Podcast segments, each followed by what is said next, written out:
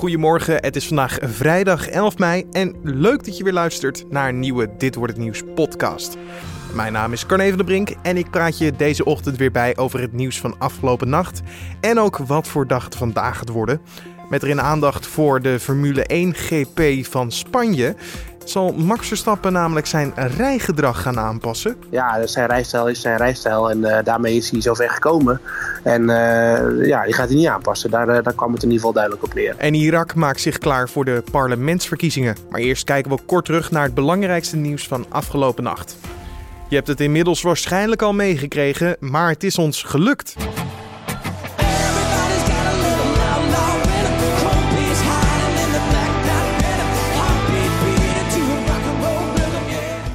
Waylon heeft namens Nederland de finale van het Eurovisie Songfestival gehaald. Met het nummer Outlaw in hem is hij nu één van de 26 finalisten.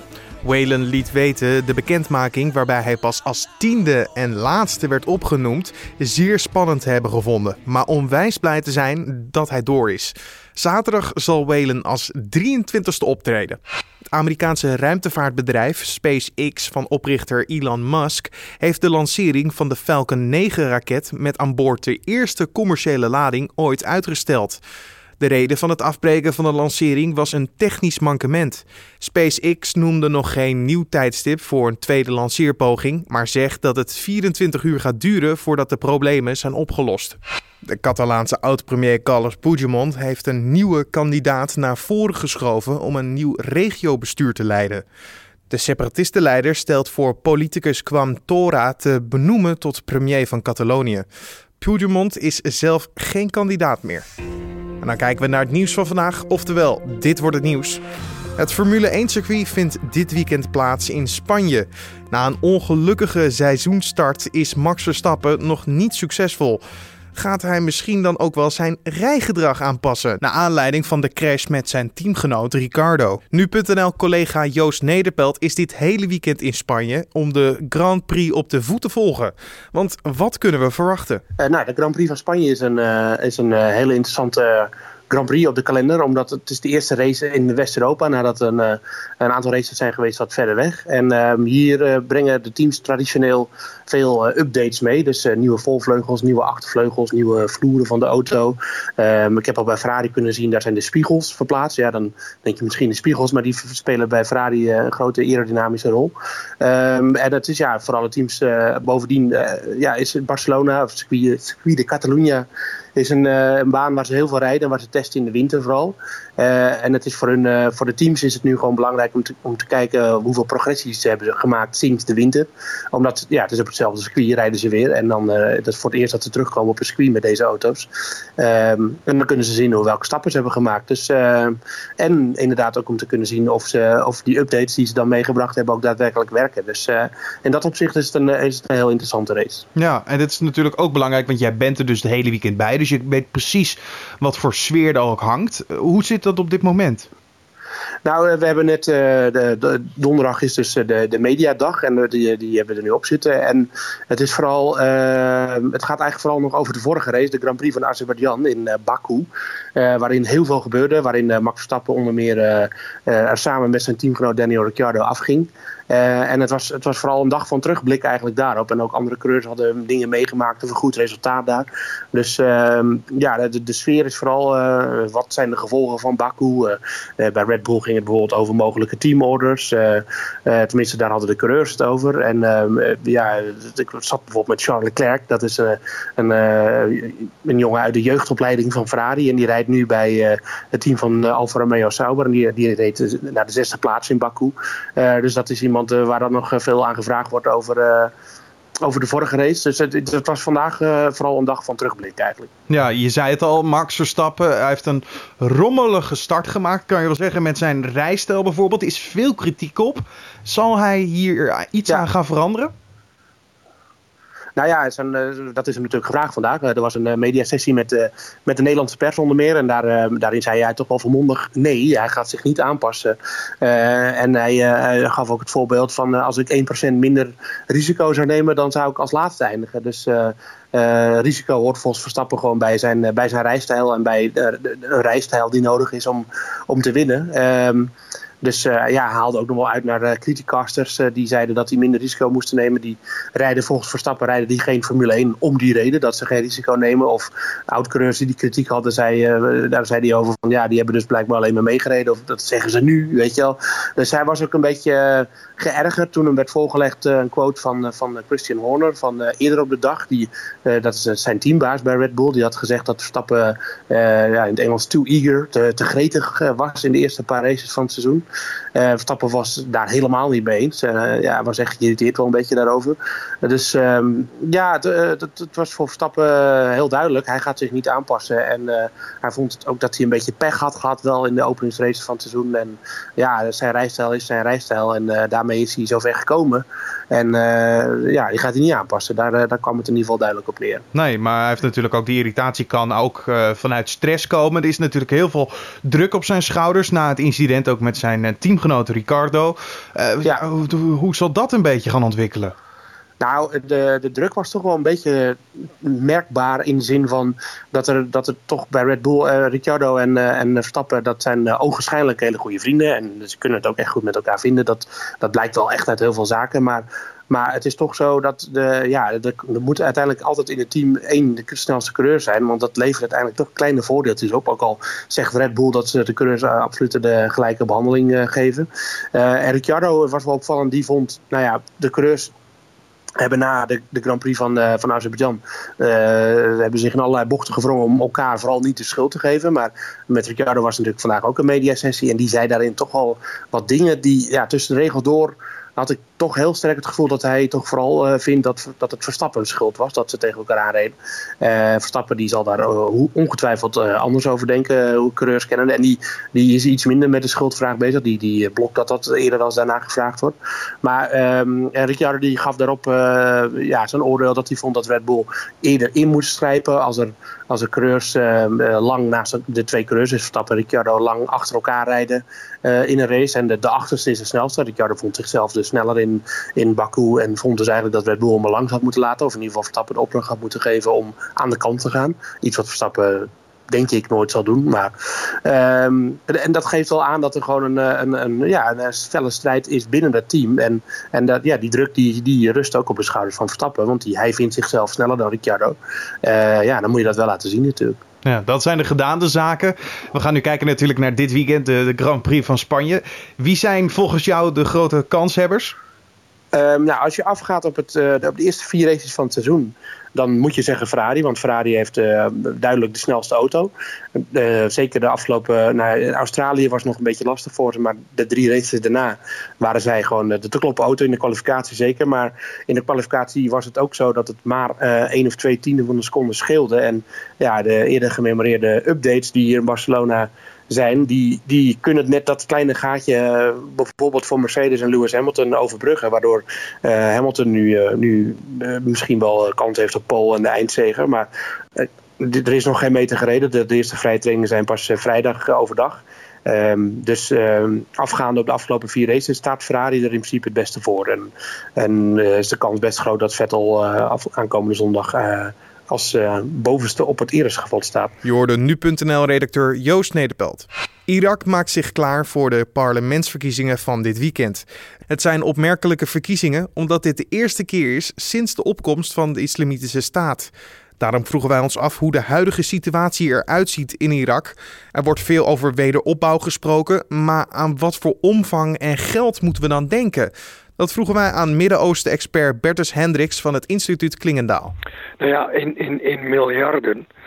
Um, ik heb daar geen uh, betrouwbare cijfers voor en ik kan me ook niet met al die cijfers ook zo'n geweldige voorstelling maken. Maar iedereen kan zich wel een hele scherpe uh, voorstelling maken van, als je nog de beelden herinnert van de vernietigingen die er geweest zijn, dat de, uh, de, de, de, reconstructie en de wederopbouw van Irak natuurlijk een, een, een enorme klus is. En uh, dat moet ge uh, gebeuren onder leiding van een regering die sinds het aantreden van premier Abadi wel wat meer gezag geniet.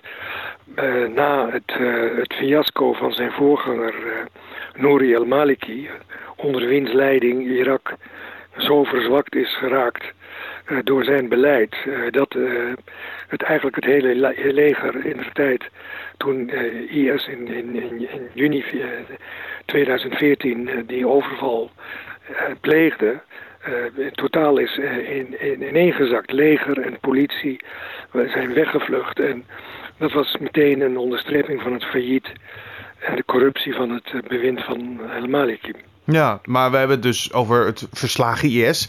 Maar ze zijn grotendeels verslagen, maar niet totaal uh, verbannen, vernietigd. Ja, hoe je het ook kan zeggen. Zal dit nog een rol spelen voor Irak? Nou ja, met het directe oog op de verkiezingen. Een van de, de zorgen die de regering uh, zal hebben, is de veiligheid van de stemlokalen. Want ja. het IS heeft opgeroepen aan alle ehm, Iraki's en dan zeker aan de Soenitische bevolking om niet te gaan stemmen. En hebben ook gedreigd met aanslagen. Het is de vraag in hoeverre ze daartoe in staat zijn.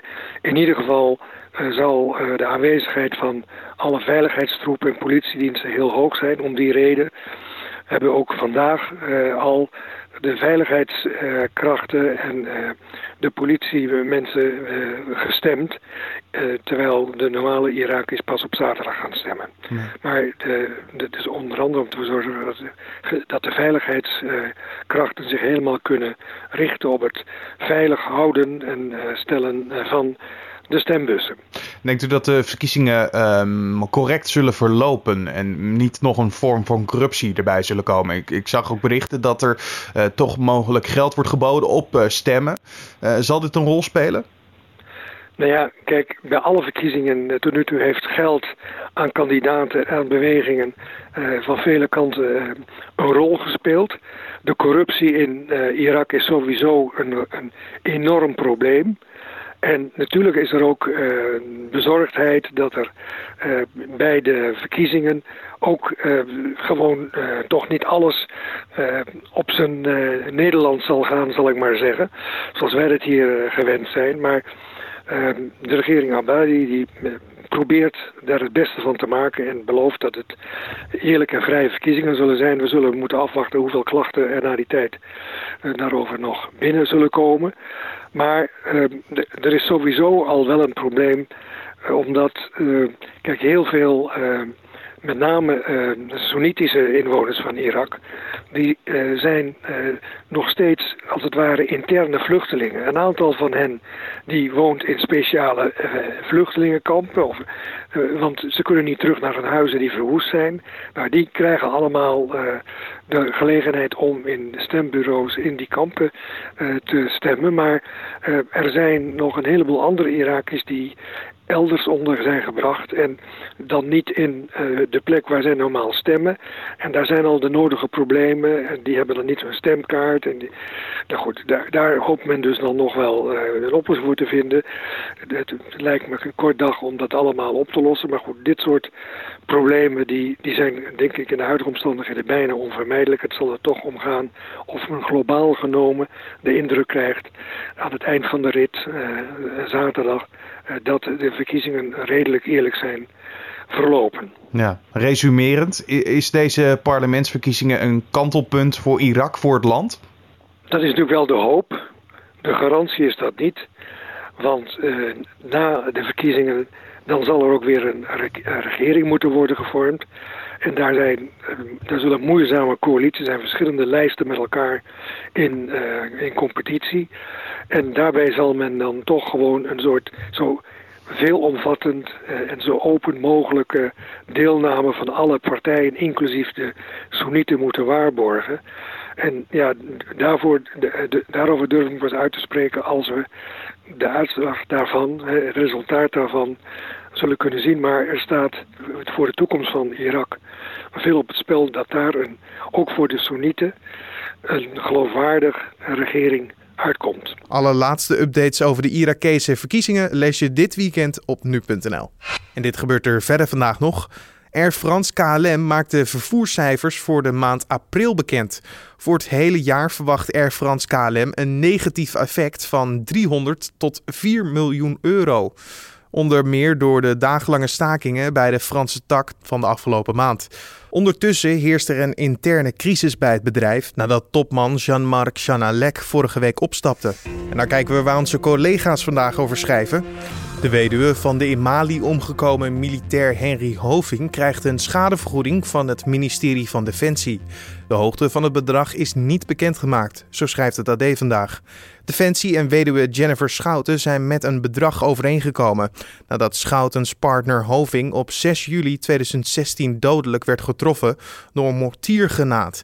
Het projectiel ontplofte in een granaatbuis tijdens een oefening in Kidal. GroenLinks-prominent Paul Rozenmuller heeft gelobbyd voor topsalarissen bij de Autoriteit Financiële Markten. Die zouden volgens hem aanzienlijk hoger moeten zijn dan de huidige salarisregels eigenlijk toestaan, zo meldt de Telegraaf. Betrokkenen melden dat Rozenmuller bij het kabinet en de coalitie pleiten voor een uitzondering, zodat Autoriteit Financiële Markten voorzitter Merel van Vroonhoven een topsalaris kan behouden. En dan nog even het weer. De dag start vandaag met veel mist. In de loop van de ochtend trekt de mist weg en is er op de meeste plaatsen ruimte voor de zon. Het wordt vandaag 16 tot 20 graden. En dan nog dit. Gambia verkoopt vliegtuigen en luxewagens van voormalig president Yahya Jammeh. De vloot dure voertuigen en de drie vliegtuigen die zijn gekocht door de oud-president worden te koop aangeboden. Zo meldde de minister van Financiën van Gambia tegen persbureau Reuters. Gambia kan het geld uit de verkoop van de voertuigen goed gebruiken. De nieuwe regering trof namelijk een nagenoeg lege staatskas aan.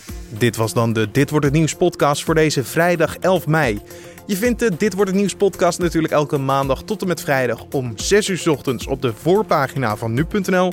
Via iTunes, via je desbetreffende Android podcast app of via Spotify. Abonneer je ook gelijk en elke ochtend staat de podcast op je telefoon op andere apparaten direct voor je klaar. Voor nu wens ik je een mooie dag en natuurlijk zoals altijd tot de volgende podcast.